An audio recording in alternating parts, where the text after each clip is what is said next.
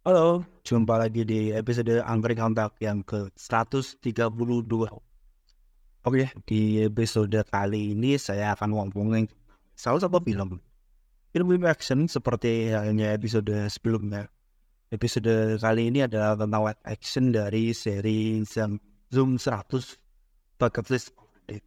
Ini tulisan saya dibuat di Froyoningen uh, belum tahu nanti di tayangannya kamu yang jelas. Mungkin bulan ini teman-teman bisa lihat mungkin di Froyonion.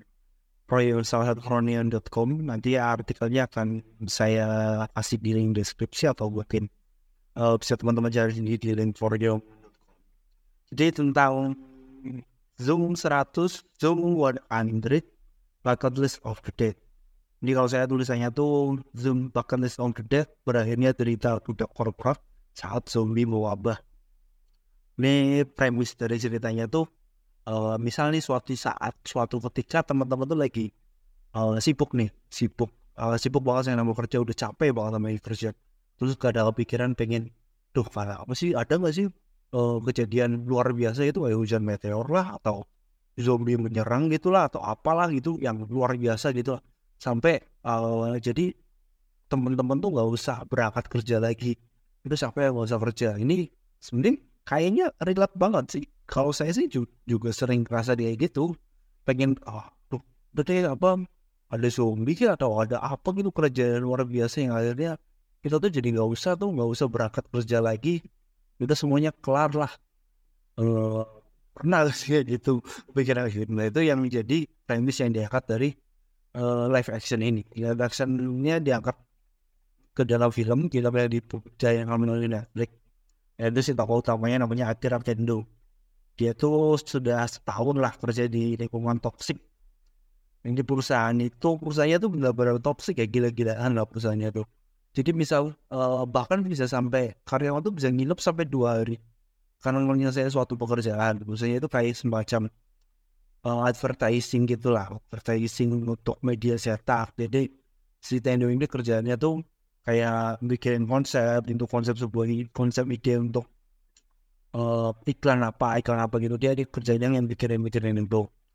Nah Nintendo ini selain lingkungannya toxic ada atasnya juga yang nyebelin banget. Itu namanya Gozo Kosubi ini tuh wah simbolin banget. Tadi itu sering cari muka di depan direkturnya tapi pada tapi uh, kalau sama bawahnya itu guide minta ampun. Dia sering-sering nyala-nyalain bawah-bawahnya sering ini apa bodoh-bodohin bawaan-bawaannya lalak pengecut banget orang nih.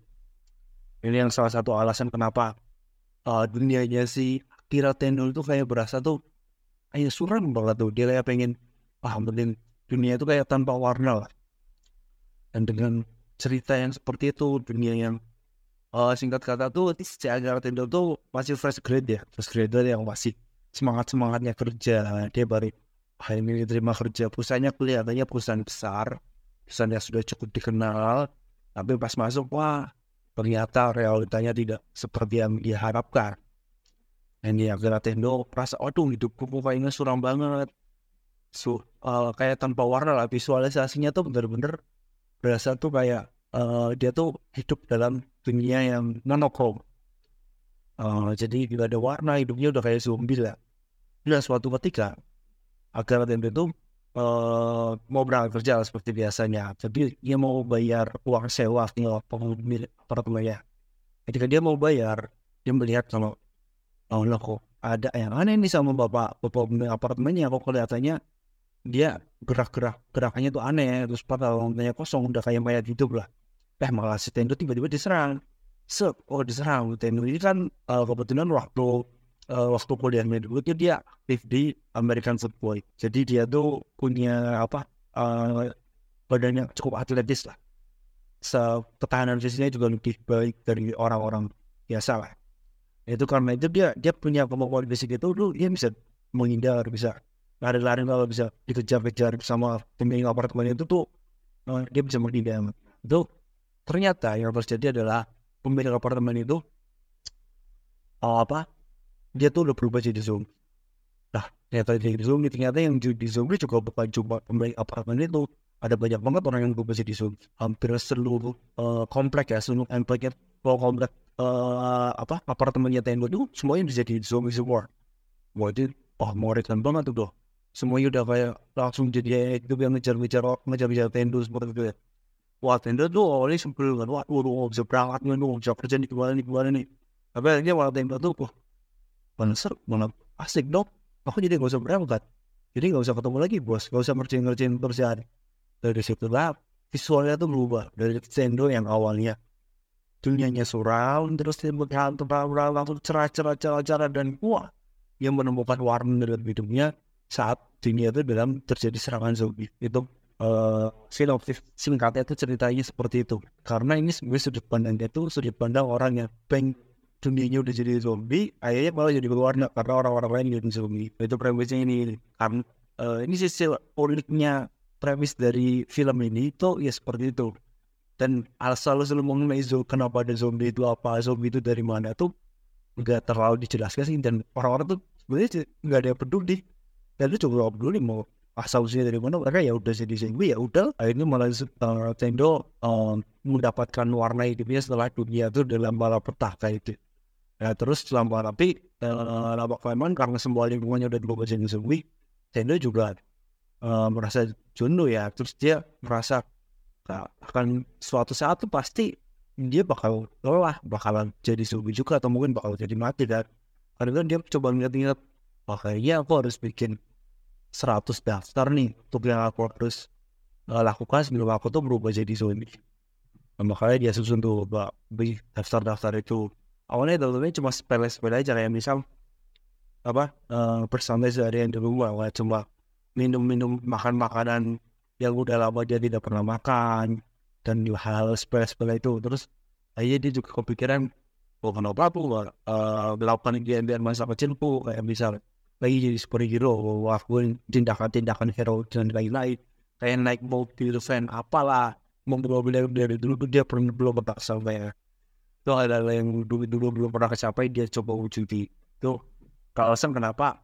Judulnya itu adalah uh, zoom zoom zoom zoom ya. Zoom 100 bucket list of the dead. Itu adalah premis dari cerita yang diangkat melalui layar melalui pihak-pihak ini.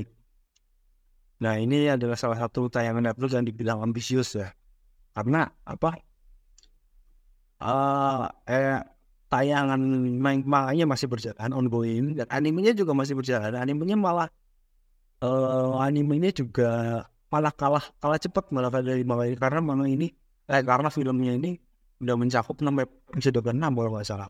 Episode enam episode itu dirangkum jadi satu film. Jadi sebenarnya ini ah ini malah jadi kekurangan ya apa? Uh, anim live action ini filmnya jadi kayak sebenarnya endingnya belum ada tapi karena udah premisnya udah cukup kuat diambil itu jadi salah satu scene dalam anime itu dianggap jadi salah satu adegan puncaknya. Jadi ada beberapa karakter yang sebenarnya bukan apa penting amat di di manga atau animenya itu gak diceritain lagi. Ya si bosnya itu sebenarnya ceritanya di cerita animenya tuh atau mana itu nggak nggak bukan fokus utamanya. Yang difokus itu karena kehidupan yang uh, kejamnya aja dari ini aja apa uh, dari perusahaannya aja. Usia tuh ya gak begitu betul masalah banget tapi memang di sini diceritakan karena memang itu ada sebuah konklusi ya. Kalau mas ceritanya tuh kan ceritanya masih ongoing kan. Ini karena mungkin premisnya memang sangat unik ya. Dan banyak orang yang sering ya. Makanya udah buru-buru nih nah langsung mengangkat ini jadi sebuah live action dengan durasi durasi sekitar dua jam ya. Dan cukup lama nih durasinya sampai dua jam uh, 129 menit nih durasinya ya. Memang pesannya ya di filmnya itu ada akhirnya beberapa adegan kayak ditambah-tambahin ada untuk adegan plot. Uh, ya salah satunya banyak sih beberapa ya juga kejadian. Ini karakternya juga cukup banyak kalau dari Batman mau ya bukan untuk biar fokusnya nggak pecah-pecahin karakter-karakter penting yang ditambahkan karakter dalam cerita kambingnya dia kayak ya Ira Tank itu yang diperankan oleh siapa? Aktornya Kamen Rider yaitu Eiji Araso Eiji Araso yang dulu main di Rider Bill sebagai Kamen Rider di Dragon ya second ya itu salah satu aktor Tom Sachi yang setelah perannya di Kamen Rider pun dia juga makin terkenal lah udah banyak lah karakter drama-drama tersebut terus ada juga yang pemeran apa pemeran utama perempuannya ada Macy Raisi ada Shizuka Mitabe itu kita idol begini lagi sama 46 dia mau udah cukup umur sebenarnya udah umur udah 20 tahun tapi memang diceritakan kalau memang karakternya itu love interestnya si kalau di komik sama mang di anime sama manga itu sebenarnya love interestnya like, di sini nggak terlalu diperlihatkan malah mereka jadi kayak hubungannya itu kayak hubungan sahabat uh, bersahabat dan yang cukup erat ya karena ada salah satu karakter lagi yang namanya Kencho itu tuh jadi mereka juga ya tiga kayak padahal kalau di anime sama itu ada empat orang ya. dan hubungan antara uh, Shizuka sama Akira tuh yang paling intens kan. Itu kayak yang like love interest lah. Emang saling suka satu sama lain. Nah itu uh, apa salah satu aktor-aktornya salah satu aktor yang ini tercelik dikenal ya. Karena itu uh, proyeknya ambisius jadi salah satu terniat lah dari buat Netflix tapi memang uh, materialnya juga ya relate banget sih. Dengan youtuber manga yang fantasi-fantasi banget itu udah cukup berat karena memang sangat terlihat dengan kehidupan ya. Uh, pembahasan tentang apa orang-orang yang sudah sangat jenuh ya dengan kehidupan sebagai budak korporat udah korporat. Makanya dia memutuskan untuk uh, bekerja sebagai apa untuk pengen ada warna baru dengan kejadian yang ada malah petaka malah jadi sesuatu yang bisa membuat hidupnya kembali Nah seperti itu untuk pembahasan light action dari Netflix ini. Dan ini kayaknya segitu aja pembahasan untuk episode ini.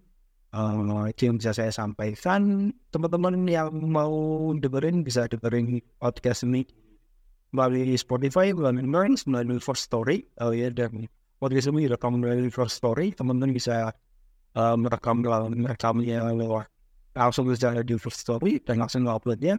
Dan sangat populer First Story dibanding aplikasi uh, hosting lainnya ini ada tersedia monetize jadi uh, ini teman-teman bisa mendapatkan uang dari apa dari episode teman-teman sini ya episode yang teman-teman lebih jelas dan di teman-teman ini uh, sampaikan di tiap podcast another one of the one episode in the Congress again there is a was around working one of the mainly surround jails